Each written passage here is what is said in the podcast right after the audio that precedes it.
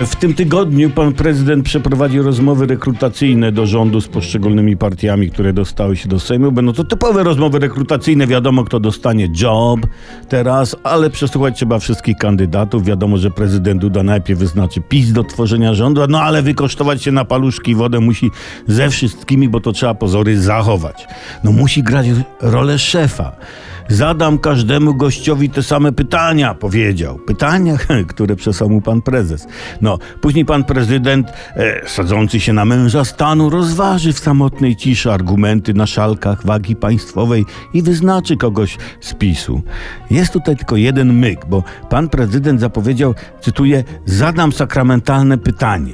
Jakie? Kiedy byliście ostatnio u spowiedzi? Zadaną pokutę odprawiliście, nie? Zaświeci lampą w oczy partiom i powie pokazać zeszyciki do religii i karteczki z rorat. Już! A tu wtedy powie, ja mam tylko stary zeszyt do PO. No, nie wiadomo po co są te rozmowy. Wiadomo, że najpierw PiS się będzie bójał, a dopiero później i tak koalicja utworzy rząd i tylko marnacja czasu nastąpi. I po co? Pan prezydent będzie marnował czas, a mógłby się zająć czymś naprawdę pożytecznym. Na przykład, słuchajcie, o, ułożyć liczby od 0 do 100 w kolejności alfabetycznej. Trudne, ale ciekawe.